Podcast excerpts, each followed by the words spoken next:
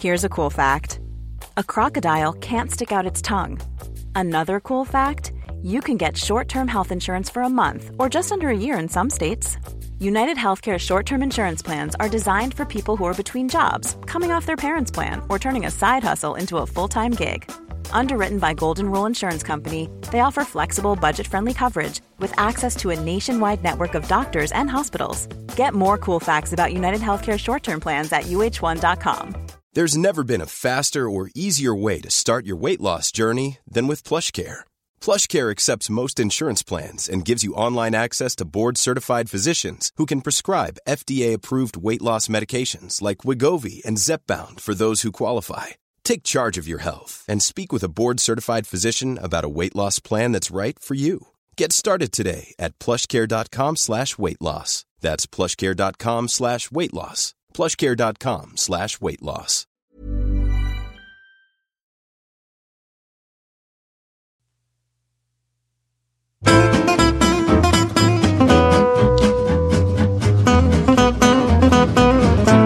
Ja men, det rullar. Det rullar. Min eh, provisoriska studio idag som är ett eh, sånt här eh, dokumentställ som jag har ställt min... Är det, en, är det en riktig tegelvägg du har bakom? Eller är det en sån? Ja, för fan.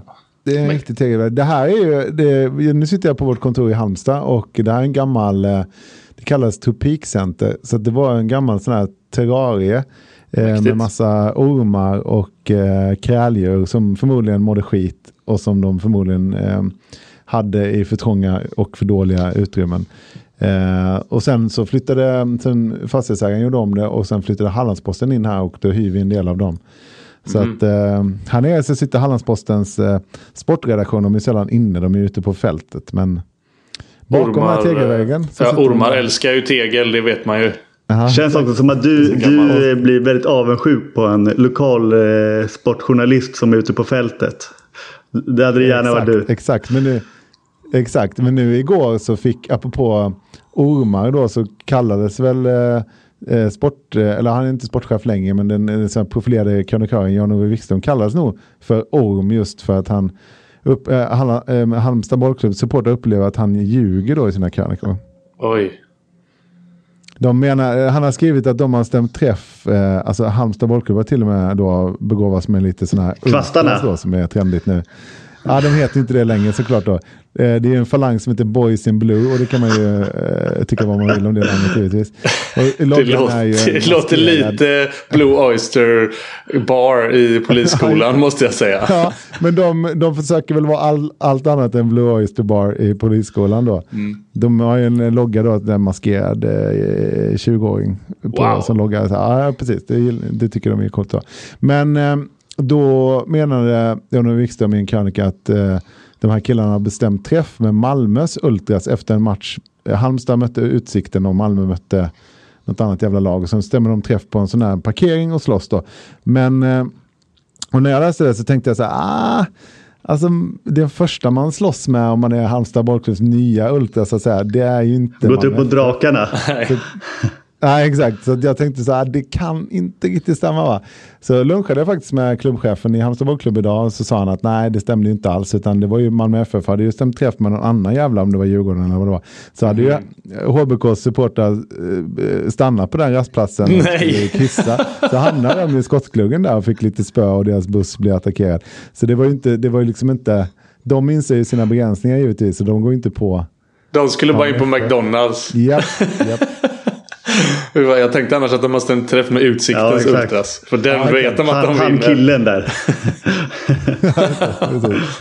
Alltså det var lite kul så här, jag kan tänka mig, vi har ju rört oss mycket på olika sådana här bensinmackar, jag och Charlie nu när vi har åkt eh, Skåne och eh, liksom västkusten runt i slutspelet här. Och, och det slår mig nu att det är nog eh, både en och två gånger som man kan fastna på en rastplats och kunna se ett sånt här Ultras eh, uppgörelse. Ja, det ska Det man ha. man tror. Vilken tur. Vilken tur man ska ha då. Ja, det enda jag såg på vägen var ju, var ju den här eh, strävsamma paret i 70-årsåldern som hade en picknick i 23 och 32 på Rasta, nej inte eh, OK Q8 Glumslöv där. Ja, det var såg det fint. på Twitter.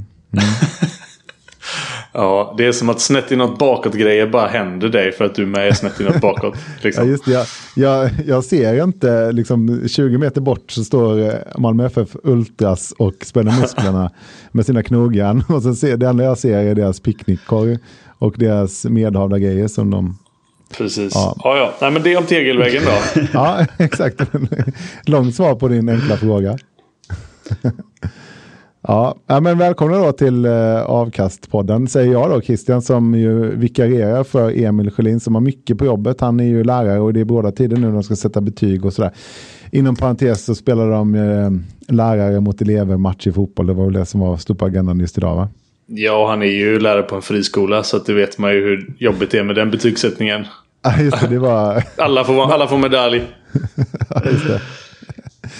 Eh, fint att börja redan liksom fem minuter in med ett politiskt eh, slagträ från Kjell Sjöstrand som är, eh, som är röd men ser, ser blå ut. Jag är Antique Cherry Red. Jag. Precis som våra nya tishor som snart ska komma ut till försäljning i kapitalismens som, anda. Som Josef håller i. Du ja exakt. De, de befinner sig på Race Spel och Tobak på Rosalundsgatan på Södermalm. Eh, just nu. Men eh, är det bredvid, bredvid Nej, utan bredvid Södra stations pendeltågsstation.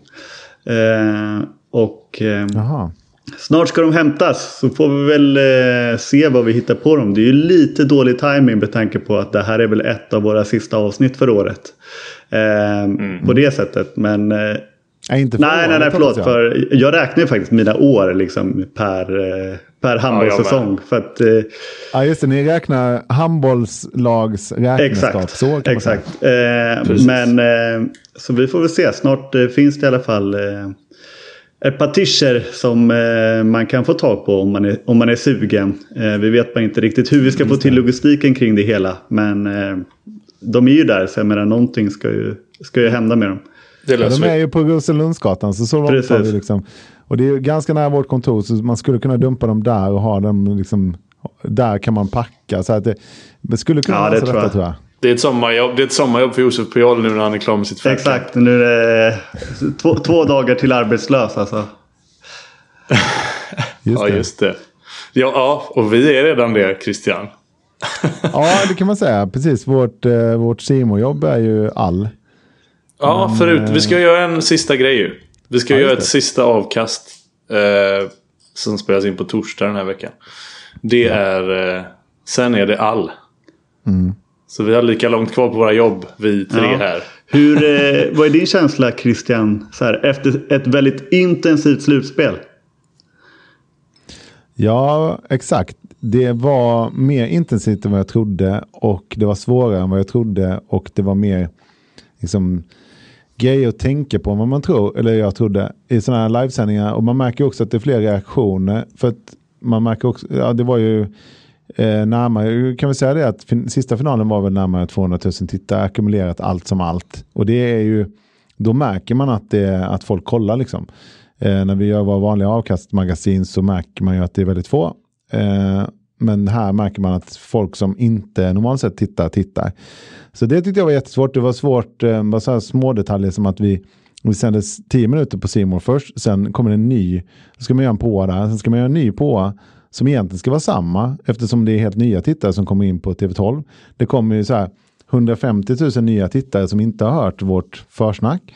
Och då måste man säga samma sak igen. Det tyckte jag, var, jag tror att det är en reflektion jag gjorde i tv-teknik är väl att jag tror att det inte är så jättemånga år kvar som man gör så. Att man gör tv för två olika kanaler samtidigt. Det tror jag bara är en övergångsperiod. Eh, jag tror att man kommer övergå till liksom att låta streamingen vara det som gäller helt enkelt och så får man hänga med bäst fan man vill. Men det, det var en, sån här, det var en, en passus, en nördig, nördig reflektion. Men jag tyckte det var som sagt, man står där och, och det är ganska mycket så att tänka på och ganska många nedräkningar som är så här hard breaks eller vad de kallar det, när man går på reklam. När man ser i Nyhetsmorgon ibland att de bara går på reklam mitt i en mening.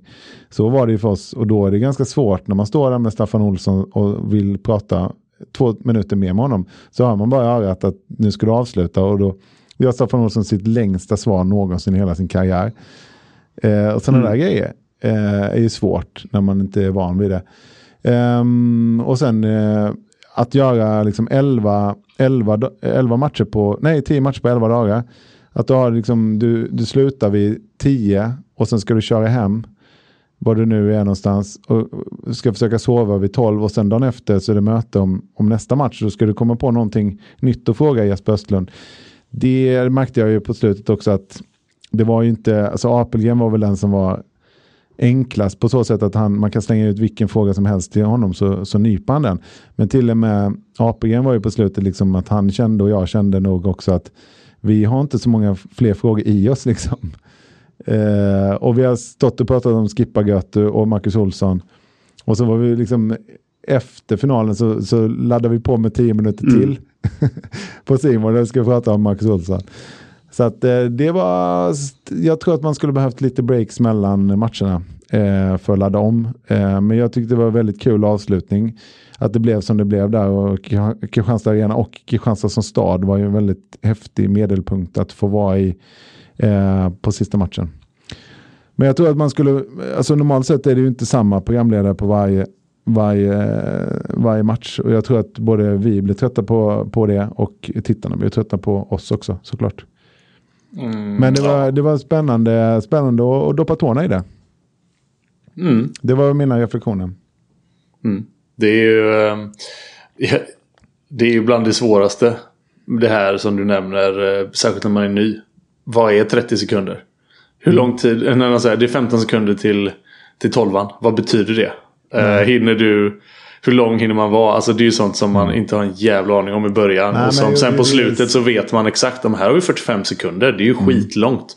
Mm. Eller liksom så här om man får det att nu är det 50 kvar. Ja då liksom Beroende på vem som står där då så ska man kalibrera. Hinner jag ställa en till fråga? Om det är Ulf mm. Schäfert? Absolut inte. och så liksom... Och så vidare. Så jag tänker man att man kan göra det. Ja, det beror väl på frågan då. Då får man inte säga liksom...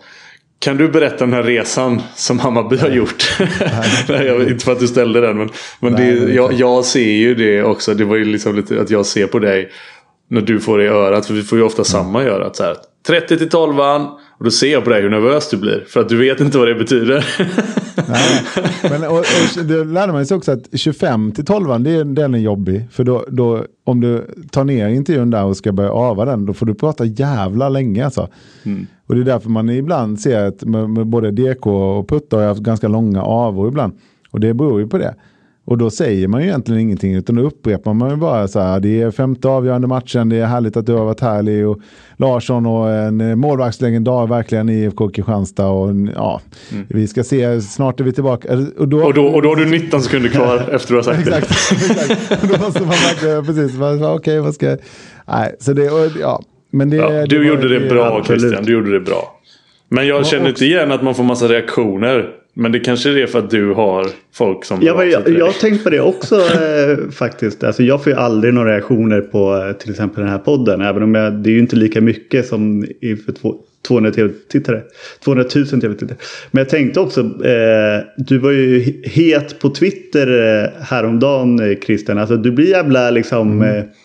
I, i, det lilla sammanhanget så blir det ofta llite viral sådär. Att det blir mycket följder. Också så vårt mest reagerade avsnitt någonsin var ju då när, vi, när du läste från eh, matchprogrammet med var det Drott och Västerås Irsta eller något sånt där. Irsta, ja. Och då jävla spinner det vidare liksom. Tänkte, helvete, du bara smattrar i, i ja. på Twitter och, och, grejer här. Så att du, du drar reaktioner ja. ur folk. Eh, Christian är ju den största fisken i vår lilla avkastdamm. Ja, absolut. Så är det. Så det. Nah.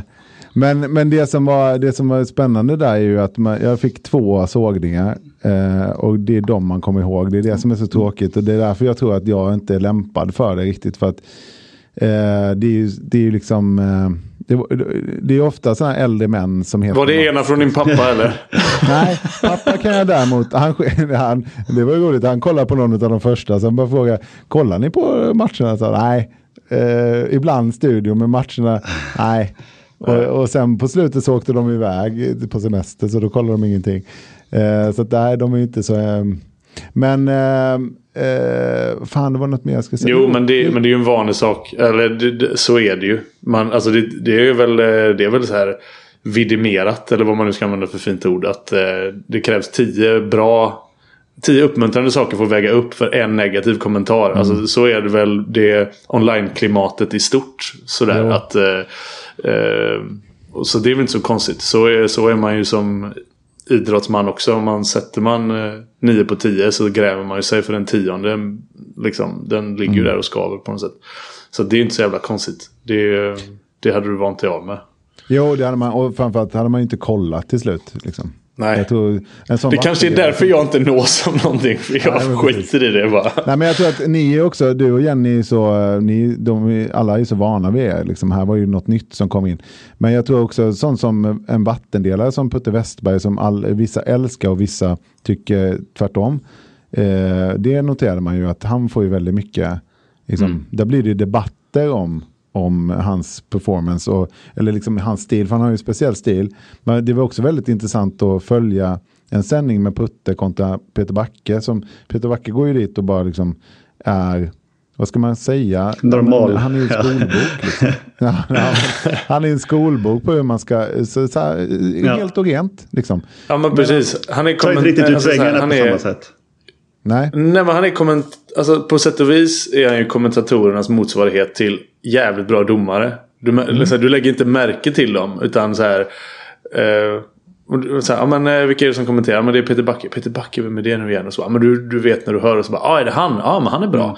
Alltså, så här, fast du, du, liksom, du tänker knappt på det för att det är alltid... Han är, han är Teddy Lucic mm. ja. Det är alltid tre getingar. Ja. Ja, men, fan, men, men, han sticker bra. ut mer dock. Frånsett att Teddy eh, Lukic eh, blev utvisad i en VM-match. Det blir inte Nej. Peter Backe. Så att säga. Nej, det blir han aldrig. Eh. Han sticker ut lite mer dock sen han skaffade sitt skägg, Peter Backe. Då, ja, då fastnar han lite mer i, i, liksom, i sinnet. Mm. Det är sant. Och han är ju en av de, eller den enda jag, nu har jag ju som sagt bara doppat tårna i men jag har noterat också att han kommer ju färdigomklädd hela tiden. Mm. Alltså vi andra har ju våra grejer strukna fint i en, en liten sån resväska. Eh, och så, det är väldigt, man, både Charlie och Jenny och kanske i viss mån jag också har ju väldigt välstrukna grejer med oss. Och det har ju inte Peter Backe. Den, är, alltså den tål ju inte en närbild så att säga. Hans Va? Gör de inte de det? Skyn nej, de är skrynkliga som fan. Men det är på ett härligt sätt. Liksom. Syns inte i tv. Han är nej, sånt, det syns en sånt jävla proffs. Han är, han, han är Teddy Lucic 2.0. Han är alltid uppe på fyra getingar. Mm. Precis. Men sen och så tar du Putte Westberg då som liksom, till exempel tycker jag den här han får fram med Jurmala, den här låten som är, det kan tyckas banalt men det händer någonting i sändningen där. Går du in i omklädningsrummet så måste du liksom äga den, den arenan. Och den gör, det gör Putte Westberg eh, i det läget. Och han får fram någonting ur, ur ingenting där. Som, som han får fram på grund av att han är rolig, charmig och har en bra relation med spelarna. Det får du inte fram kanske på samma sätt om du är mer återhållsam. Så att det är sådana små grejer som jag tror att liksom, tittarna kanske inte ser men men, eh, men, men jag tror inte alla kommentatorer får fram just den. Sen kan man tycka att man bara ska prata om matchen eller vad det nu kan vara. Men jag kan ju tycka att det finns en dimension när du och Putte framförallt eh, kommenterar så blir det ju en show i sig. Så att säga. Och är matchen inte så spännande så behövs nästan det. Mm. Och där är, han, där är han ju oöverträffad i att ja. göra något av inget. Finns, ja, ingen, men... finns ingen bättre på en match som är avgjord i halvtid. Liksom. Nej, men precis. Och sen att han, han drar faktiskt, det märkte jag också, man återkommer gärna till samma ord. Liksom. Det gör man ju i podden också. Eh, för man har, inte till, alltså man har inte det vokabuläret som, som Lasse Granqvist, han återkommer i och för sig också till samma. Men, eh, men Putte varierar faktiskt sina metaforer ganska mycket ändå. Det, det var inte så många som återkom. Eh, och den ena galnare än den andra liksom. Men det är ju, det är ju hans, liksom han, hans stil. Sen måste jag säga om honom också att, att eh, det var, han var väldigt, väldigt bra på, som mentor till mig inom citationstecken. Alltså att han kom med väldigt, han la fram feedbacken jävligt snyggt tänkte jag på. För han var alltid någonting, han började med något positivt och sen kom han med, men tänk på det här, eller tänk på det här, eller gör så här. Eh, det gjorde även Peter Backe, ska sägas, och Jens Tordöven såklart. Eh, men det tyckte jag var väldigt, eh, det var väldigt, eh, Putte var väldigt snygg där i det, måste jag säga. Vad, mm. eh, ni som har lite insikt i tv-världen då, jag vet inte riktigt, har vi pratat lite om eh, vad vi tror? Allt är ju fortfarande ganska oklart och nu är det ju början på juni. Och även om säsongen eh, fortfarande är precis är över så är det ju en del som ska hända nu över sommaren. Alltså det ska komma någon hemsida, någon app och, och massa sådana där grejer. Eh, som vi inte riktigt vet någonting om. Men eh, vad, vad tänker ni då om tiden framöver? Eller det, det här eh, ja, vad, framtiden med det här nya tv-avtalet och, och und so weiter? Har väl du inte bara svara nej, för det var en lika lång fråga som Espen Christensen fick. Bara svara nej. Du, du överdriver hur lång min fråga var. Men, ah, okay, den, här, men, var, okay. den här var längre. Ja. var längre. Men eh, jag tror vi har väl touchat på det i någon podd, du och jag och Schelin, va? När det var klart, även om vi inte gick på djupet i det, Börjo. Men, eh, alltså minst, eller det enda egentligen jag är lite orolig för är väl just att tv saknas i det här tv-avtalet. Mm. Mm. Och även om det kommer gå ifrån, eh, om Christian har rätt i sin Alexander Bard-profetia, att, det inte, att man kommer inte vara på två kanaler samtidigt och tv och stream och vad det nu är. Det, så kan det nog vara. Men jag tror att eh, man behöver trots allt eh, ett riktigt mediehus då, om eh, man får kalla det så. Som har eh, som är stora. Det finns liksom inte en enda seriös rättighet som inte har eh, liksom en, en stor jävel i ryggen. Eh, så att man hoppas ju att det kommer hamna där så mycket som möjligt. Om det sen blir matcher på SVT eller TV4 eller ja, via Play verkar väl inte så troligt med tanke på att de idag gick ut och sa att eh, de håller på och, eh, Det var väl stort sparpaket som var signalerna liksom. Eh, men, men det hade ju varit Det hade ju varit bra tror jag för handbollen sett då. Om det kunde hamna på lite på lite riktiga ställen och inte bara en, en webbsida. Och den här, om det nu blir en app. Det tror jag är helt Alltså det tror jag är jätte jätte jätteviktigt. För alltså om jag måste öppna min jävla laptop och gå in på www.valfrisida.se för att ladda upp, för, liksom för att streama en match. Alltså det är ju, det är döden. Då kommer jag köra den här podden utan att se en enda match. Kan jag säga. Det för några år sedan då alltså. ja, exakt. Ja, men jag tänkte på äh, det du sa om mediehus. Det, det vill ju jag också såklart. Men äh, jag tänkte på hur allsvenskan i fotboll äh, görs nu. För det är ju Discovery som förköpte sig. Och så har de ju gett bort rättigheten till att Simon också får köra den. Ja, gett bort och gett bort. Ja, jag tror det är x antal miljoner ja, ja, de har gett bort det för. Men, ja. men de har ju också, de har ju, därmed har de ju gett upp så att säga. För att hela grejen är ju exklusivitet. Annars kan man ju, det första jag gjorde när Discovery, när jag insåg att Simon skulle ha det, var ju att avsluta Discovery-abonnemanget per samma dag. Mm. Men eh, det som händer är ju dock att har Discovery som marknadsför rättigheten som min helvete. Simor gör också det. Och så senast Offside hade de flera helsidor med det. Och sen så har du nyhetsrätten i SVT och TV4 och SVT har magasinsrätten. Det är så jävla snillrikt gjort. Mm. För du får De så överallt. Många, ja. Och Unibet. Ja, och Unibet som huvudsponsor som också pumpar ut det. Där jag tycker det var bra för handbollen. Men genom att ha dem, den förpackningen som, som allsvenskan i fotboll på här sidan har. Den är ultimat skulle jag säga. För du har ju massa aktörer med egna kanaler som mm. vill bygga rättigheten. Så det tror jag också är att ett måste. Där har Simon, varit, Simon TV4 varit jättebra och man märker också kanske att de har dragit ner lite på den här skicka ut klipp successivt när de har insett att de inte ska ha rättigheten känns det som. Eh, men sen tror jag, jag tror att det landar i eh, appen eller, eller sajten med själva playverktyget ska redan finnas, okay. sa Gansen när jag pratade med dem. Det gissar jag är Infronts ja, de har, liksom, eh, helhetslösning. Ja, de har en sån white label-lösning. Så den, den, tror jag, den tror jag kommer funka. Men, men jag håller med Charlie om att den måste in i allas jävla smart-tvs på något sätt så man slipper men, men just det här då att inte då äh, låsa sig till ex, exempelvis Simor. Kan inte det vara bra för att få just mm. det där då? Om SVT har någon match ibland så pumpar de ut lite. Och så ja, tar mm. TV4 någon match och sådär. Det kan ju bli exakt Men det är ju ett stort, men det är ett stort ja. om. Det är ju bara det att det är ett mm. stort om. Alltså då, då ska ju... Då ska ju, som du säger då, SVT göra det. Och fyran. Och helst vi har satt också. Mm. Det, men, men om, eh, om det inte blir så.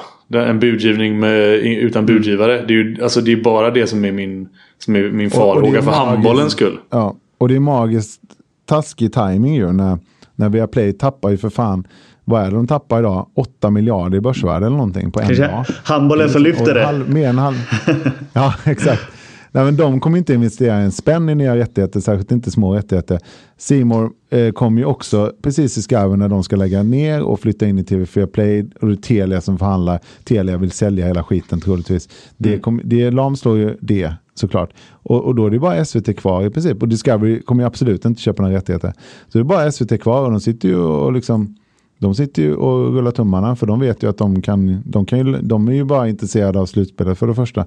Eller veckans match då och då. Och det kan de ju liksom vänta en stund med innan de innan de signar. Ja, men om man jag. pratar så här räckvidd, alltså du pratar ju 200 000 då på, på finalen. Eh, total räckvidd, alltså SVT när det gäller räckvidd är ju oslagbara. Mm. Alltså, ja, där, ja, jag vet, när de sände handbollen så var det liksom så här, upp och toucha på en miljon tittare på Hammarby Skåne. Liksom. Eh, ja, det, det, tror jag i och för sig inte på. Men, eh, men jag tror att eh, det, det, eller det är mycket bättre rättigheter, eller räckvidd på SVT. Helt klart. Helt klart. Sen är det den här räck, räckvidden räknas ju Ja, på tre minuter. På tre ja. minuter. Ja. Och den är ju ganska, alltså tre minuter är ju ganska lite. Men, men absolut, de har ändå varit inne tre minuter. Ja, nej men de, de är ju, de, de, alltså jag tror att utan att jag har sett de siffrorna då. Alltså det SVT har i tittarsiffror på Svenska Kuppen exempelvis. När, alltså finalerna då pratar jag om. Är ju, det är ju säkert mer än vad vi har haft. Alltså, ja, så ja, ja, SVT, är ju, SVT är ju störst. Eh, så det hade ju varit det hade ju varit skitbra om... Alltså jag, jag tror utan att veta att eh, slutspelet är hett. Finalerna definitivt. Eh, semifinalerna kanske också. Och, så där tror jag inte att det kommer vara... Det skulle inte förvåna mig alls om SVT har både... Om inte hela slutspelet så har de semi och final eller och utvalda slutspelsmatcher. Det, det skulle inte förvåna mig alls. Men... Allt däremellan. Det kan väl... Ja men det kan ju också... Ja men precis. Men som jag säger det, det kan väl bli att det blir någon sporadisk grej. Att ibland så behöver de någonting. För de kör ju ändå... De satsar ändå hårt på det här Vinterstudio-konceptet liksom. Och där behöver man ju fylla grejer också. För där är det ju... Ja, de har väl tappat ja, det är väl också lite, lite skitskytte, Ja, det är väl lite rättigheter där med. Ja, men, ja, det är väl de vanliga skidorna som vi har satt mm. har... Eller via Play då har konkurrerat ut. Det vet man inte vad de, hur de ställer sig till det. Men, men där kan det ju vara så att det kommer in lite handboll ibland. Precis som det var för 10-15 år sedan i SVT mm. också. Att det som jag säger, ibland mellan Sara Hectors andra åk och skidskyttet så passar det med en match här. Är det någon som Hammarby Skåne eller? Mm. Och, det, och, ja, och då, ja, precis. Och då kommer ju den säkert ha eh, 200 000 tittare då. Fine. Men jag vet ändå inte om... Alltså här, men finns det inget värde för SVT? Ja, ja, är det bra eller dåligt? Finns, är det bra eller nej, dåligt? men finns det inget värde för SVT då att, alltså, om man då är sugna på slutspelet, att liksom bygga upp det under en säsong. För annars blir det lite så här, om, om inte SVT sänder någonting under året ganska konsekvent så är det väl ingen som vet sen att ah, nu är det slutspel. Ah, ja, nu, nu ska vi titta på SVT helt plötsligt. Men det är så här de behandlar innebandyn, eh, basketen, mm. utebandyn. Alltså de har ju egentligen gjort, jag, jag, alltså jag har svårt att se att de skulle behandla handbollen annorlunda. Det, hade jag varit på SVT så hade jag ju paketerat de här härliga sporterna eh, som har ungefär samma säsong i något, eh, i något, liksom, något, något magasin eller något paket. Så man verkligen jobbar med dem. Så att, så att liksom vanliga sportintresserade, de vet om att klockan ett, eh, vad fan det nu är, klockan två på lördagar, då är det alltid en match från de här. Antingen basket, innebandy, handboll eller utebandy. Eh, och så vet man inte riktigt, eh, som tittare då, blir det mer en lägereldsgrej. Det tror jag hade varit en svinbra grej för, för SVT. Att paketera det hårdare. Men de har ingen, de har ingen tjänst där, där de vill visa alla matcher från en säsong. I någonting nej, nej, nej. Det, alltså, det utan då liksom tänkte jag mer framförallt kanske ja, men, veckans match varje lördag 16 eller vad det nu är, söndagar 14. Liksom. Att de ändå har det konsekvent under, under säsongen. Liksom. Så plockar de ut en liten mm. nugget. Eh, RIK Lugi eller eh, ja, inte RIK då. Men eh, vår, det blir vår, bara våra det, exakt, det, nuggets. Ara, Aranäs Hallby. exakt. eh, vi får lägga tablån. blir bara... Nej men sen, sen också um, nu när vi um, Eh, jag har ju kommenterat en del off-tube som det heter så fint nu i slutspelet. Alltså särskilt när matcherna har krockat så kanske så här, vi har varit på att Simor och eh, alltså eh, Jenny, Jenny Linnell ska jag säga och Patrik Westberg har varit ute på en match. Och så parallellt med den matchen så går eh, Önnered eh, Hör semifinal 2. Och då är det jag och Peter Backe som sitter i källan på Rego som det här produktionsbolaget heter då. Och kommenterar den. Och nu under hela våren så har det nästan alltid sammanfallit med att eh, Peter Jonsson på SVT som, det är lite samma där. Ni vet inte exakt vem jag Nej. menar. Men ni vet exakt vem jag menar om ni ser en bild eller hör hans röst. Eh, han har med... Han och eh, eh SVTs basketexpert. De har suttit och kört basketslutspelet. Alltså det är så många gånger när de har suttit i liksom båset bara bakom oss. Och det har ju varit finalerna. Alltså de, är inte, de har inte varit ute på en enda basketfinal. Utan de, de sitter ju och kör den från källan i, i, eh, i Stockholm då. Och det kan ju bli... Ja, det, det, kan ju bli verkligheten också. Att man så här levlar upp. Ja visst, men i vissa matcher vill du trycka lite hårdare på. Hammarby-Kristianstad var jävligt bra förra säsongen. Så den vill trycka lite.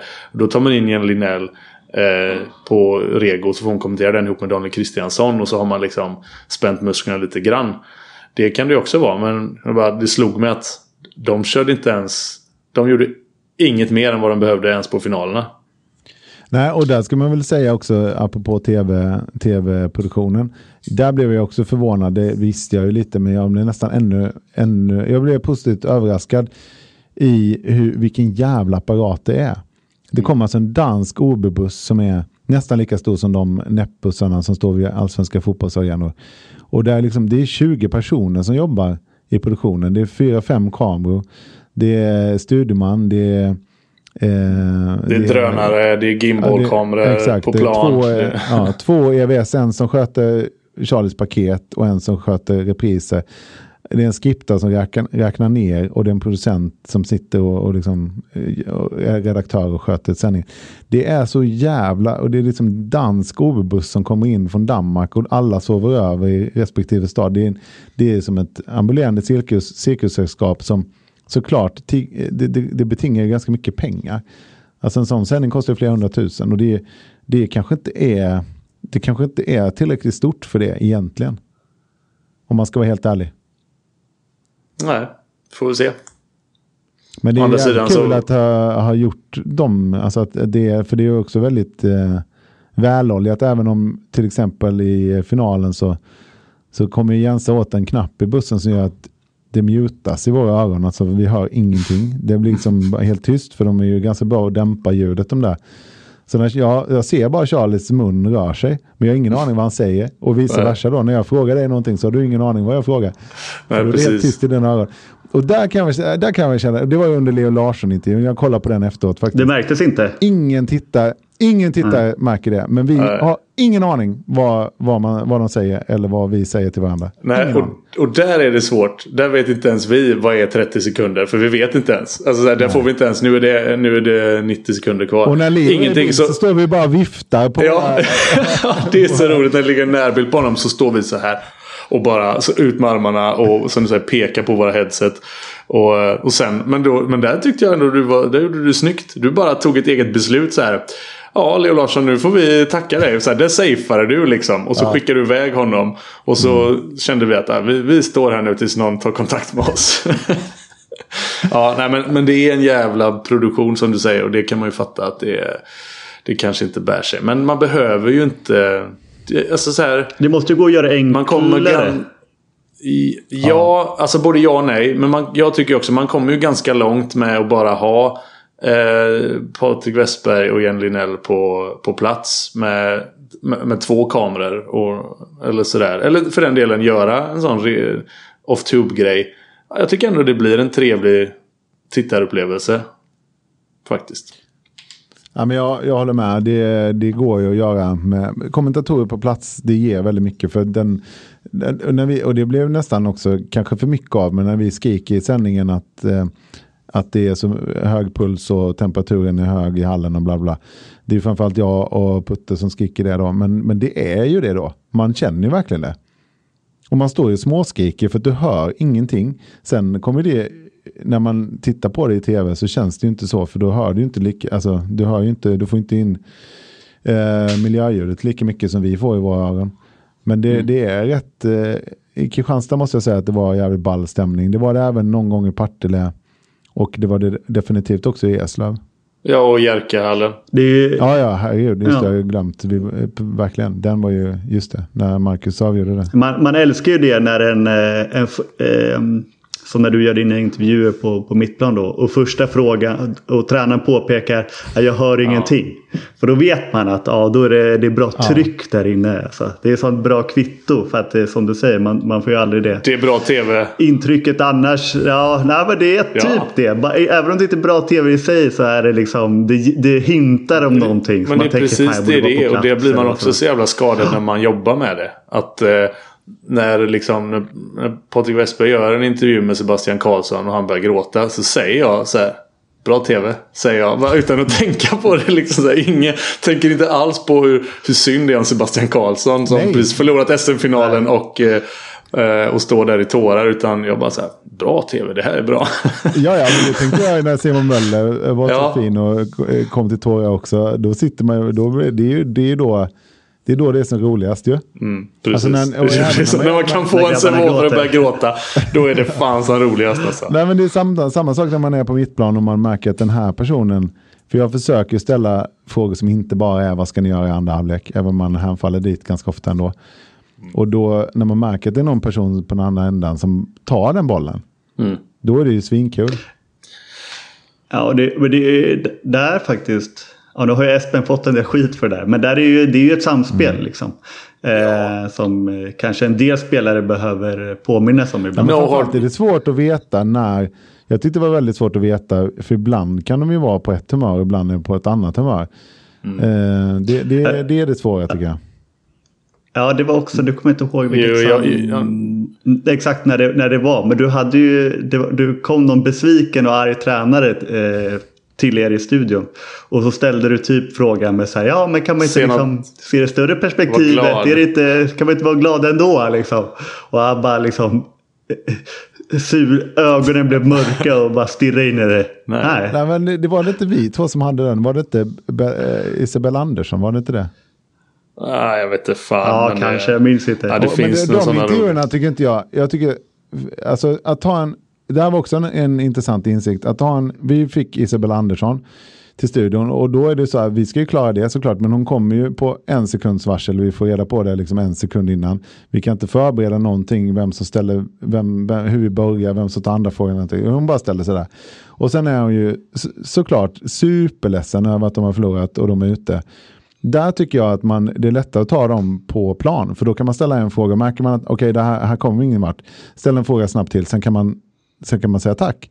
Men tar man dem till mm. studion, då går inte det. För, Krävs det ja, mer? Går, och, och, där trampade vi i vatten, eh, både du och jag försökte verkligen vara, balansera på den linan, men jag tycker att eh, den, den var jättesvår. Och det var inte för att hon, hon stannade och gjorde det jättebra. Ja, hon kan ju inte liksom, det är hennes ja. känslor så att säga som det såklart ska finnas plats till. Så nej, nej, och hon gjorde, hon, absolut nej, inte på henne. Jag tyckte hon men, var jättelättarbetad, men men jag tycker att man ska mm. inte göra dem, om jag får bestämma så ska man inte göra dem i studion, man ska inte göra dem så tätt inpå. Jag tycker det var perfekt att göra dem som, eh, som Putte gjorde med, med eh, Sebastian Karlsson. Mm. Ja, nu tänker du som en redaktör här Christian. Det hör man ju att du ändå snappat upp någonting på de här intensiva ja, veckorna. Men om vi, om vi konstaterar då att eh, trots att det har gått x antal veckor sedan vi hade uppe det här ämnet sist så är vi egentligen inte klokare. Det är fortfarande en obskyr Nej. webbplattform vars pressmeddelande är på sätt och vis det roligaste jag läst. Alltså de har satt sig ner och, och gemensamt ihop flera stycken kommit fram till att ja, men det är här det här kan vi lägga ut. Det här, det här vill vi att pressen liksom trycker. Vi skickar ut det till alla tidningar nu. Och det går inte att förstå ett enda ord av det. Men det, det säger lite om komplexiteten i det de håller på med. Och att det fortfarande är en hel del oklarheter. Och vi vet inte heller vad fasen som händer med handbollen. Vi hoppas för idrottens skull eftersom vi, vi ändå är handbollsnördar att eh, det kommer gå bra. Att allmänintresset inte kommer minska och att det går att liksom plöja handboll även på traditionella kanaler. Oavsett om de är på webben eller i Christians linjära TV. Men om vi går därifrån då. Till det du touchade på också Christian. Att det, är, det sammanfaller med att Viaplays börsvärde droppar med 8 miljarder. Att eh, det är sparpaket på TV4 som ska ta över hela simor grejen Det är Discovery som håller på att avveckla det ena med det tredje. Det är skenande räntor. Det är eh, inflation och det är årsredovisningar som börjar droppa in en efter annan nu. Som vittnar om ganska bistra tider för handbollsklubbarna också. Ska vi, ska vi stanna till där lite när vi har en, en, eh, en entreprenör här i podden? Ja, men framförallt... Ja, du tänker på mig, med, med Ja, exakt. Då, vad, vad, vad, tycker du Josef när du läser de här nyckeltalen? Men du är ju för fan redovisningsekonom. Jag, är, jag, alltså själva siffrorna är du mycket, mycket bättre på än jag. Men vi kan, jag tycker det är en, en bra på av dig och eh, jag, vi har ju sagt att vi ska prata lite ekonomi i klubbarna så då gör vi det. Ja, men för det har ju sipprat ut under våren lite så här en efter en. Jag vet inte riktigt vilka som började. Det var väl någonstans med kring Alingsås och Skövde var väl ganska tidigt ute att det var en, del, eh, en hel del back. Mm. Och eh, Skövde har ju, apropå sparpaket, har ju sagt upp eller eh, brutit det kontrakt med den nya tränaren som inte ens har hunnit tillträda. Sportchef Uffe Nyström har fått lämna. Alltså det, det, det, vi måste bara säga, det är det sjukaste. Alltså jag, jag, jag för, alltså så här, tränargrejen var förvånande. Och där var det väl tränaren själv som kände att fan, det här var inte det jag skrev på. Jag, jag trodde jag skulle få värva ja. lite spelare. Det här vill inte jag vara med på. Men att de säger upp för Nyström. Det betyder ju att det är sämre än vad jag kunde föreställa mig. Eller att de är helt snett på det i sin värdering. Jag, säger, jag hade hellre, jag hade sagt upp tre gubbar i startsexan än att skicka upp för Nyström. Alltså. Så som han har jobbat för den klubben. Så hade jag... Ja, ja nej, men utifrån så är det ju väldigt... Eh anmärkningsvärt. Alltså det var ju lyftet. De hade ju eh, ekonomiska bekymmer för några år sedan. Och sen så, men lyftet sportsligt mm. var ju sedan han eh, ja, tillträdde. Ja. Ehm, så det är ju har ni, har ni varit, absolut har ni intressant. Haft, för jag har bara hälsat på honom. Har ni liksom jobbat med honom i någon, något ungdoms... Oj, om jag har jobbat med Nyström. Ja. Fråga igen. Vi, ja, exakt. Alltså, det var ju länge sedan vi slängde. Men Uffe Nyström var ju min eh, tränare på okay. gymnasiet. Så det var ju tre gånger i veckan i tre år. Ingen eh, styrketräning den, då? Eh, nej, det var... Eh, Lite för mycket för min smak, lite för lite för min kroppssmak kanske. Eh, nej, men så att eh, alltså Uffe Nyström är eh, Förutom att han var en jävligt bra tränare just för det ändamålet så är det en otrolig gubbe mm. alltså. En, eh, en jäkla karaktär. Han är för alldeles underbar. Ja, alltså. och han har gjort mycket bra för Skövde. Mm. Och nu eh, så ja. känns det som att den klubben är eh, som en jag vet inte vad. Men den är lite i fritt fall på något sätt. Och vem mm. fan vet hur de kommer landa. Ja. Men var det... Ja, och det ska bli intressant att se apropå om, de, om jag tror ju ändå att de... För nu läste jag att de har bett alla spelare gå ner i lön till nästa år. Eh, och att jag vet inte riktigt med vilka procentenheter vi pratar om. Men, men eh, enligt då en intervju med Håvard Åsheim, den nygamla målvakten, så verkar det inte... Alltså, truppen är ju väl införstådd i att ja, det kanske krävs. Eh, och att de blir tvingade till det. Och alternativet är ju Alltså om klubben går i konkurs så är de ju ändå köra liksom. Eh, även om jag inte tror att de är riktigt där ännu. Men, eh, men eh, det kan nog hända grejer på, eh, på spelarfronten också. Att det försvinner någon här och där. Sjöbrink till Amo då?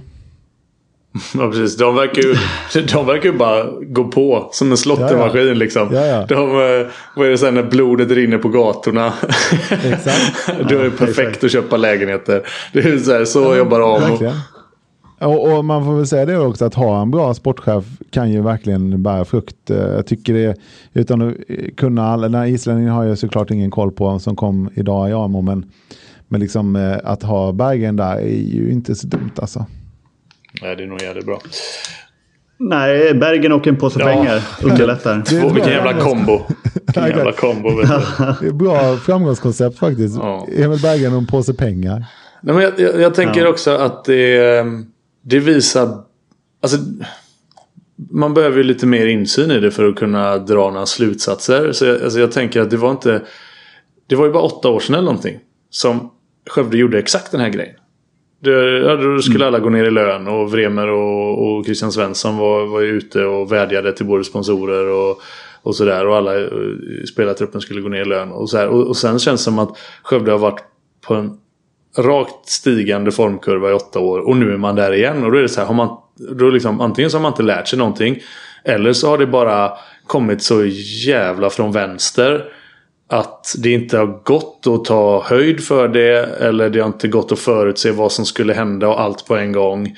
För det känns som att det har slagit på bred front nu. Hos klubbar som normalt sett man tänker men de har ett nyktert sätt att se på sin ekonomi. Det är många klubbar som är illa ute nu. Ja, men du har ju mejlat ut till eh, klubbarna Albinsson. Jag antar att alla inte har svarat. Men kan du se något typ av mönster eller, eller sådär? Ja, precis. Ska vi göra så att vi redovisar vilka som har svarat. Sen kommer vi inte gå in på egentligen eh, klubb för klubb. Men Sävehof har svarat, Önnered har svarat, Hammarby har svarat, Kristianstad har svarat. Eh, två från Kristianstad har svarat, så guldstjärna där. Ystad IF har svarat. Resten har inte svarat. Sen kan det vara att vi har gamla mejladresser till vissa och sådär, för det var några som har studsat och så har försökt VB och så här. Men jag har ärligt talat inte, vi har, han inte liksom följa upp det 100%. Men eh, eh, det som generellt sett är det ju såklart att alla menar att eh, pandemin har varit eh, väldigt tuff såklart. Och det kommer nog en eftersläpning av det, för det är ju det är ofta sådär att klubbar, nu säger jag inte att någon har gjort det och framförallt har ingen skrivit det, men det är ju ganska klassiskt eh, manöver i klubbar som saknar pengar att man säljer sponsringen nästa år, att man intecknar den tidigt. Eh, för att kissa på sig helt enkelt. Och då, eh, då blir det till slut, eh, man skjuter det framför sig helt enkelt. Att, att till, till slut så finns det inte, kan man inte sälja i förväg eh, så länge till. Och det är väl det som jag gissar händer, händer när man, eh, man tar till det greppet så att säga när det, när det är ebb i kassan. Så pandemin och sen så kommer ju den om, omvärlden nu som gör att, att företagen håller i pengarna såklart. Så det, det har ju med det att göra också. Och sen tror jag att eh, intäkterna för publik är sämre. Sen är det vissa klubbar som har varit ute i Europa, det kostar också pengar. Som till exempel Ystad IF, det kan vi ju säga. De räknar med att, att de går, har gått en miljon back på Europacupspelet. Och det är ju, man får 100 000 per bortamatch från EOF och 35 000 per hemmamatch från EOF och handbollsligan. Eh, och det täcker inte kostnaderna uppenbarligen. Och då fick de ändå fullt hus mot Flensburg och en bortamatch mot Flensburg som är bara fyra och en halv timme i buss. Mm. Så det där är ganska intressant och det, det säger ju även Sävehof då att ha två lag som ska åka ut i Europa med flygstolar som är mycket dyrare och, än tidigare och en eh, sämre tillgång på, på flyg helt enkelt och hotell. Det ser man också i Stockholm. Nu är det ju, du får inte ett hotell under tre lax. Liksom. Ja, men, det får man kanske, men inte ett vettigt. Inte där du vill bo. Mm. Eller jag.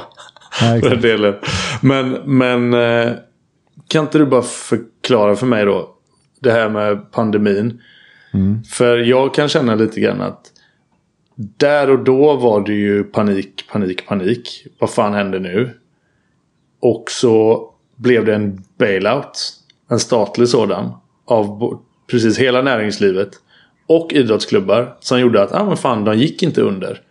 Eh, det, det, även om man inte kan arrangera Partille Cup eller Lundaspelen eller Potatiskuppen och ingen kan gå på matcher. Vi kan inte sälja spons till matcher som inte bla bla bla. Så fick de sådana jävla coronastöd ju. Så att de klarar sig. Hur är det möjligt att det kan ta tre år, två år och sen kommer smällen? För vad är det som har hänt på de två åren? Om man inte har förköpt sig och inte fått hybris och inte bara liksom ignorerat varningstecknen på den smällen. Och så har man liksom gasat istället. Så, så kan jag känna att vad fan, ni kunde väl liksom... Ja, nej men förklara gärna om ni har någon idé.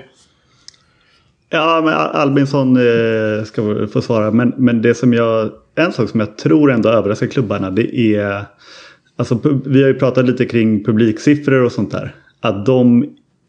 Man trodde väl kanske att det skulle vara omvänt nästan. Att det skulle vara svältfött på liveidrott eh, och sådär. Och att publiksiffrorna skulle återgå till, eh, till vad det var innan.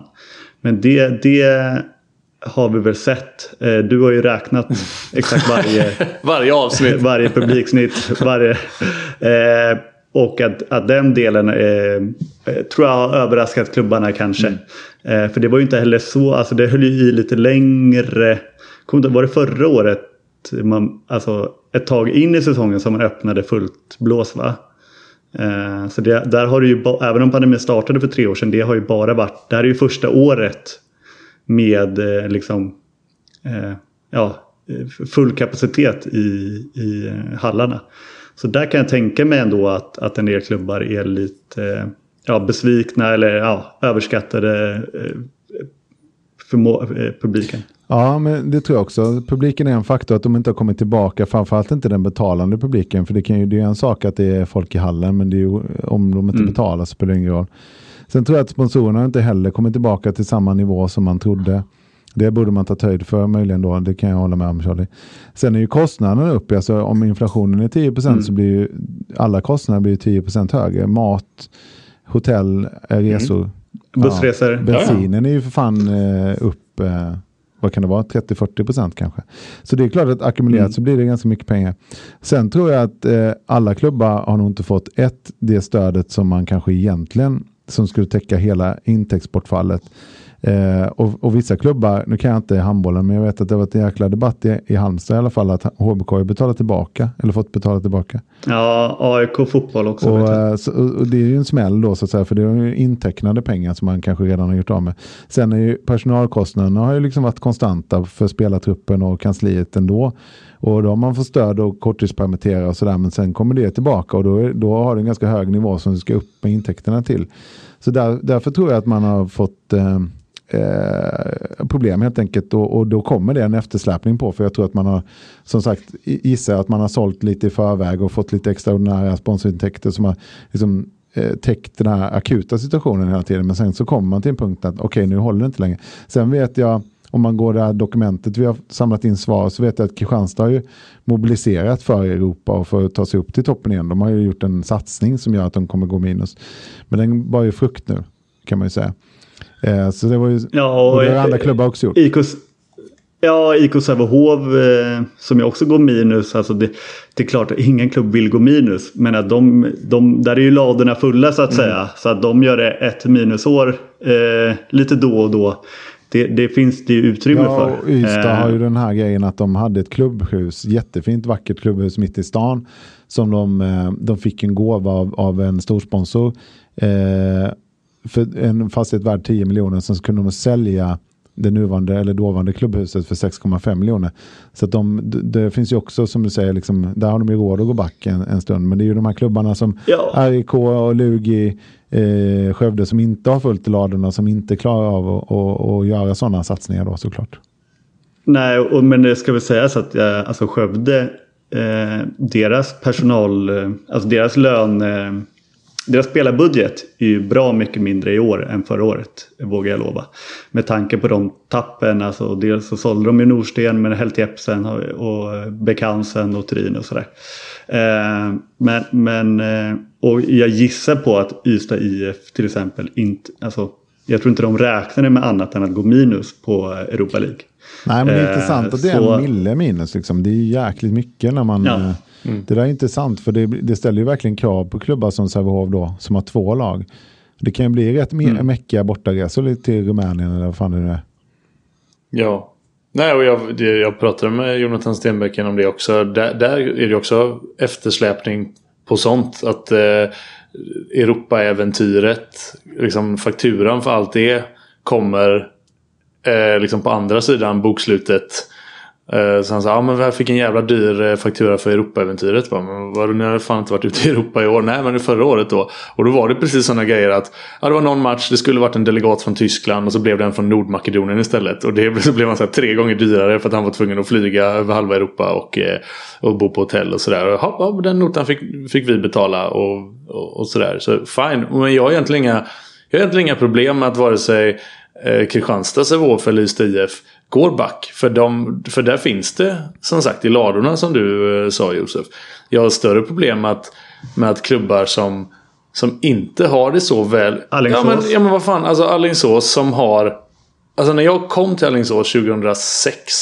Då var det så här, då hade de precis tagit sig ur ett slukhål liksom ekonomiskt. Och, och, och då var det en sån jävla tydlig väg framåt att det, vi ska inte förköpa oss på någonting. Vi ska klara av det med små ekonomiska medel och det var ju verkligen så länge jag var där så var det ju verkligen så också. Vi presterade ju, om man pratar peng för, per poäng som Hammarby är världsmästare i. Så var ju Alingsås HK rätt jävla bra på det också. Sen exakt hur det ser ut efter 2012 där, det vet ju inte jag. Men de har ju liksom... I takt med att de då blev ett topplag och gick till SM-finalen det var tre eller fyra säsonger i rad. Eh, såklart att då, då fylls ju kassorna på och, och då, det kräver ju en trupp också. Men jag menar de sista åren, det är lite det jag är ute efter. De här sista åren nu när man kunde ana att fan den här pandemin. Det borde blivit en väckarklocka för många. Och att de har spelat Europa-matcher. Alltså om Europa League är en miljon back för Ystad. Vad fan har det kostat att springa runt i den här jävla European Eurocup eller vad den heter. Och framförallt vad har det gett? Två Nej, men vad har det gett? Det, du ser ja. ju ingen Europa-utveckling på de spelarna. Vilket man annars hade kunnat tänka sig att ja, men då, då tar vi nästa kliv. Alltså det är ju det jag ställer mig frågan till. De, det, vi pratar om mellan vad är det, 2-2,5 miljon eller mellan 2 och 3 miljoner back har det ju florerat uppgifter om. Mm. Det är liksom det, det är hela det egna kapitalet. Jag förstår inte hur det är möjligt. Det kan man ju inte bara skylla på Europaspel. Men liksom, det är väl för fan det första. Du, du får väl dra in på det. Vi ska inte spela den tredje bästa Europacupen här. För att eh, Adam Jönsson ska få lite rutin. Och, och, nästa år så kanske vi går till semi. Alltså det, det finns väl inget försvar för det. Nej, eh, då har man ju också oturen att de har kommit till semifinal. Ja, fan också. Så att de, de har liksom de maximerat antal matcher. ja, ja, men, men eh, om det nu finns några segerpengar, en liten slant får man säkert av UF för att vinna det där. Så har de ju inte fått ta del av den i alla fall. Nej. Nej, men sen om sitter du som styrelse så vill du inte ha, du vill ju inte tacka nej till Europaspel. Låt vara att det är den tredje bästa. Men jag kan hålla med lite också för att det, publiken är inte så intresserad av det där. Europaspelet heller. Så att... Nej, och det är inte första året. Alltså så här, hade det varit att ah, men fan, nu, nu eh, vi satsar på Europa och så hade de maxoflyt. Att precis det året de gör det så kommer, pan, eller så kommer liksom eftersläpning från pandemin och eh, inflation deluxe. Och så blir det katastrof. Utan de har ju, alltså, det är väl tredje eller fjärde året i rad som de är ute i Europa. Och det var, ett år var det European League. Det var ju då de hade Magdeburg på besök och, och sådär. Och sen har det varit Euro, jag tror ja, det varit Eurocup i två år nu. Eurocup ja, och sen innan dess mm. European League liksom. Så att de har ju vetat att det kostar. Eh, mer än vad det smakar. Men ändå så tyckt att det har varit värt det. För att de hoppas väl på det. Att ja, men det är bra för svensk handboll, det är bra för våra spelare. Eh, utveckling på det. Men man måste ju också säga när man lägger budgeten då inför säsongen 22-23. Ja, jag fattar inte hur man kan gå så snett. Ja, det, för mig är det helt obegripligt. Nej, och, och, ja, men, men också till deras försvar då så har de ju uppenbarligen gjort det då två, tre år i rad. Mm. Innan det här året utan att gått back tre miljoner. Så det är ju någonting vad är, liksom, precis, vad är, det vad, exakt. Då är det, precis, vad är det då då? Det är ju inte att, det är inte att klistret ja. har blivit dubbelt så dyrt helt plötsligt. Alltså det är, sen kan det väl vara många bäckar små då. Men eh, ja. de har också de är också jävligt nej, men, många spelare. ja. på nio meter. Ja, nej, jag vet inte. Jag bara tycker det är helt otroligt. Att man på ett år kan bli av med i princip hela sitt egna kapital. När man har liksom haft som en, en, eh, en måttstock i snart 20 år. Att det ska vara liksom eh, hängsle och livrem. Ja. Ja. ja, och man har ju inte heller värvat speciellt. Eller vad jag kan tro i alla fall dyrt. Utan man har ju värvat mycket allsvenskt och, och lite sånt där. Sen jag har ingen aning om vad de har i lön. Men det kan man ju utgå ifrån att de är lite billigare än om du ska konkurrera med. Eller om du värvar från andra elitserieklubbar. Ja. Nej, vi behöver ju inte rikta in oss på Alingsås specifikt heller. Det, men jag kan bara konstatera att jag, jag fattar inte hur fan man kan vara så snett på det. Men Guif har ju rapporterat att det är jävligt illa ställt. Lugi var ju tidiga med att säga att det här kommer inte bli så jävla skoj. Eh, så att det, ja, ja, över, RIK är ju, så där känner man ju att de har ju dansat på en tunn is ganska länge. Men eh, nej så att det... Ja men det är ju över hälften av klubbarna. Eller ja, de, mer, alltså... den hälften som inte har svarat på vår, vår enkät. Ja, ja exakt. Alltså, jag menar, så att det, det blir ju intressant och, och jag tycker mig också, förutom eh, Amo och Karlskrona också för den delen, skulle säga, är det ju ganska återhållsamt på eh, värvningsfronten. Alltså det är inte så någon... Eh, det är klart, det är det väl alltid att det inte är sådär jättestora namn till handbollsligan. Men, men eh, ja, det blir intressant att se eh, de kommande åren, eller vad man nu kommande året i alla fall. Mm. Håller med. En, en bullet som jag tog lite off topic, för, som jag tyckte var spännande, som Ystad skrev i sitt svar var att eh, de har en hyreskostnad till kommunen på en miljon om året för hallarna. Och de har en, mm. en, ett stöd via, ja det är väl i och för sig, ja men det här stödet för föreningar som man får när man har folk i rörelse på 250 000. Så att de är ju alltså en, en nettobetalare till kommunen. Och det är ganska intressant att det, att det är så. Utöver skatt och allt kommunalskatt ja, och sådär också. Ja, ja nej men eh, alltså jag vet ju Hammarby då för några år sedan. Alltså när jag spelade där. Det var ju 25-30 000 per match. Eh, för herrarna. Och då är det ju, pratar vi ju inte halvhyra i övrigt. Ja, och de liksom. mest välmående föreningarna det är ju där man har en förankring i arenan. Där man kan få intäkter från arenan som är extraordinära mm. som Sävehof och IFK Kristianstad. Ja, precis. Och det gör att man återkommer till det att alltså, de, de tre stora som vi ändå får benämna dem. Eh, Ystad, Sävehof, Kristianstad. Som har råd att... Ja, men sportsligt ja, men precis, ekonomiskt. Som har råd att backa eh, en miljon och, och ändå kan ha de ja, dyraste trupperna och kommer kunna överleva det här. Det känns ju som att det blir en en segregation i, eh, i svensk handboll över överskådlig framtid. Och så Hammarby som en klar fyra då eftersom de bevisligen kan göra mycket med lite. Eh, just ekonomiskt.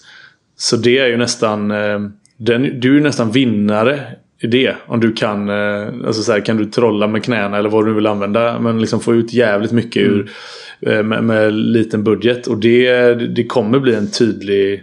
Ja, det kommer bli en jävla tydlig uppdelning tror jag. Det tror jag också. Och vad häftigt då att du kom in som nykomling som Amo gör nu och Karlskrona gör nu i det här klimatet där de har mm. fem, sex klubbar som inte kan ta på sig den där ny kostnad. Nej, nej. Det, det är ju liksom vilken magisk möjlighet för Amo att gå till slutspel första året till exempel. Ja, när, Ham när Hammarby gick upp då för två år sedan, då var ju de första Alltså uppflyttade lagare som gick till slutspel på 14-15 år eller något sånt där. Och, men det är väl inte alls omöjligt att eh, det utmanas redan eh, nästa Nej. år. Och för att väva ihop det här nu då. Lite grann det vi har snackat om. Så är det ju. Då är ju också knäckfrågan här.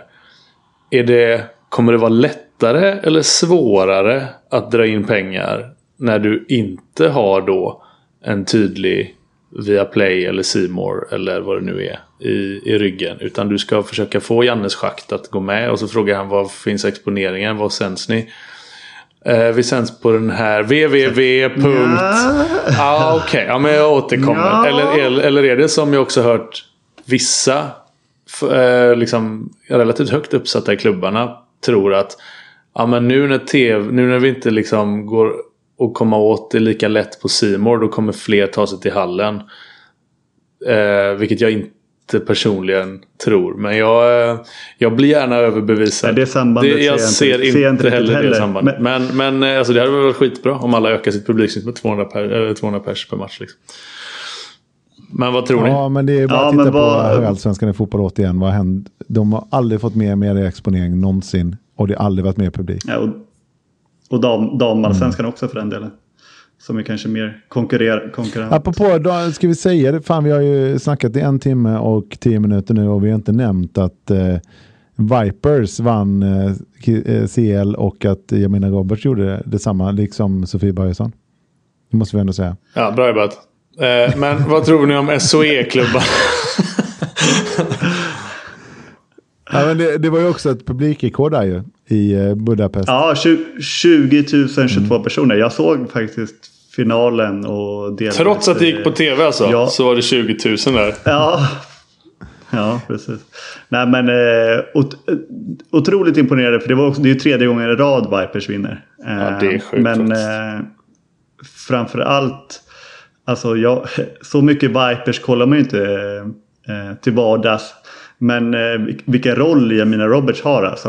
Eh, det är, om eh, vi inte visste det innan så är ju det en riktig, riktig världsstjärna. Alltså stod, eh, spelade vänsternia och tvåa bakåt i princip eh, hela tiden. Liksom. Och eh, med den äran, även om hon överglänste av eh, Viakireva, Anna Viakireva heter hon va? Som är otroligt läcker att eh, titta på rent handbollsmässigt.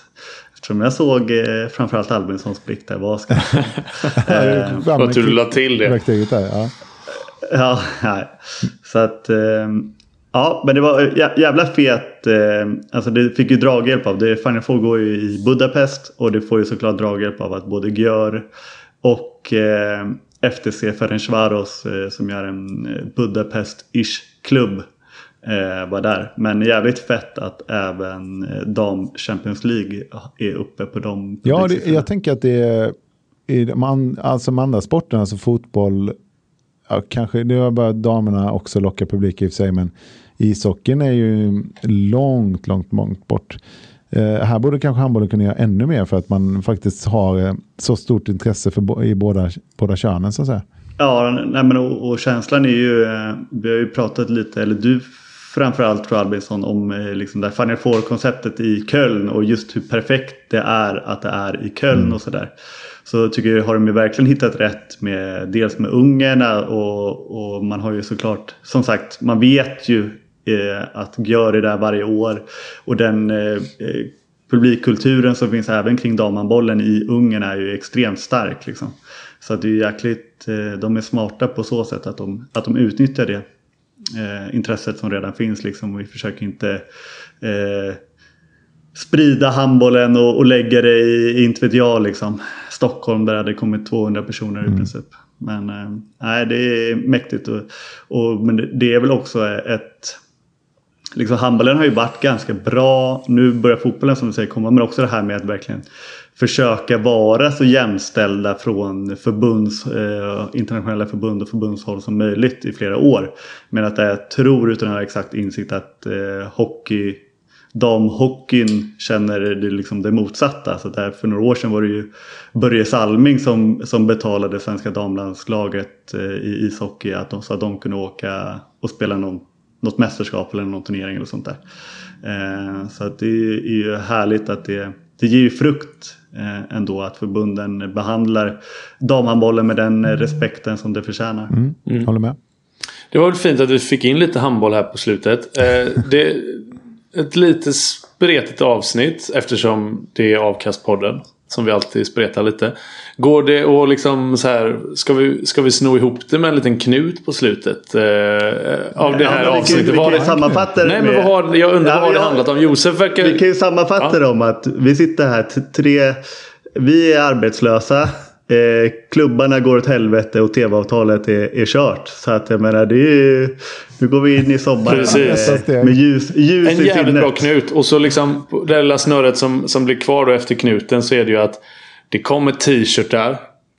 Och vi, har, vi har ett avsnitt kvar. Ett specialavsnitt. Eh, som Emil Sjölin håller på att fila på och, och har filat på i flera månader nu. Alla mot alla avsnittet. Det är ju det vi har kvar. Så det här är ju... Eh... Ja, är det det? Vi brukar ju faktiskt avsluta efter herrarnas Final Four. Jag vet inte, vi har inte pratat om det sinsemellan. Okay. Eh, men eh, det, det, här kan vara det sista avsnittet. Tydlig knut här. Nej, fan. Nej. Jag hade en knut och så men... kom Josef där och skulle och knöt upp så började prata om vad är det för knut du gör här egentligen. Jag trodde att det var sista avsnittet. Jag, check, jag vill checka ut ja, för den här jävla sommaren. Vi har ju bara inte pratat jag om det. Jag skiter väl i Final Four är det kul i Final Four ja, så ja, kanske ja. det blir mer. Och jag ska ju faktiskt dit så att jag kanske kan springa på någon farbror och intervjua. Men det känns också som Avkastpodden. Vi kanske, det här kanske är det sista avsnittet innan specialavsnittet. Det kan bli ett till. Ni får hålla utkik. Eh, men ha det gött så länge. Eller? Så så vi se om vi, om vi kommer tillbaka. Nu, nu, det gör vi väl va? 15 sekunder. 15 ja, sekunder. Precis. Vi har 15 till 12. Kommer vi tillbaka nästa säsong gubbar? Ja. Ja, vad bra. Vad bra. Gött. Ja, men hörs då. blir starka när det blåser. Luften blir friskare när åskan går.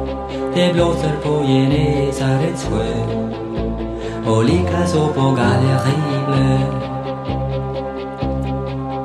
Dina kyssar smakar smultron och mjölk Drömmen ska brinna om ett annat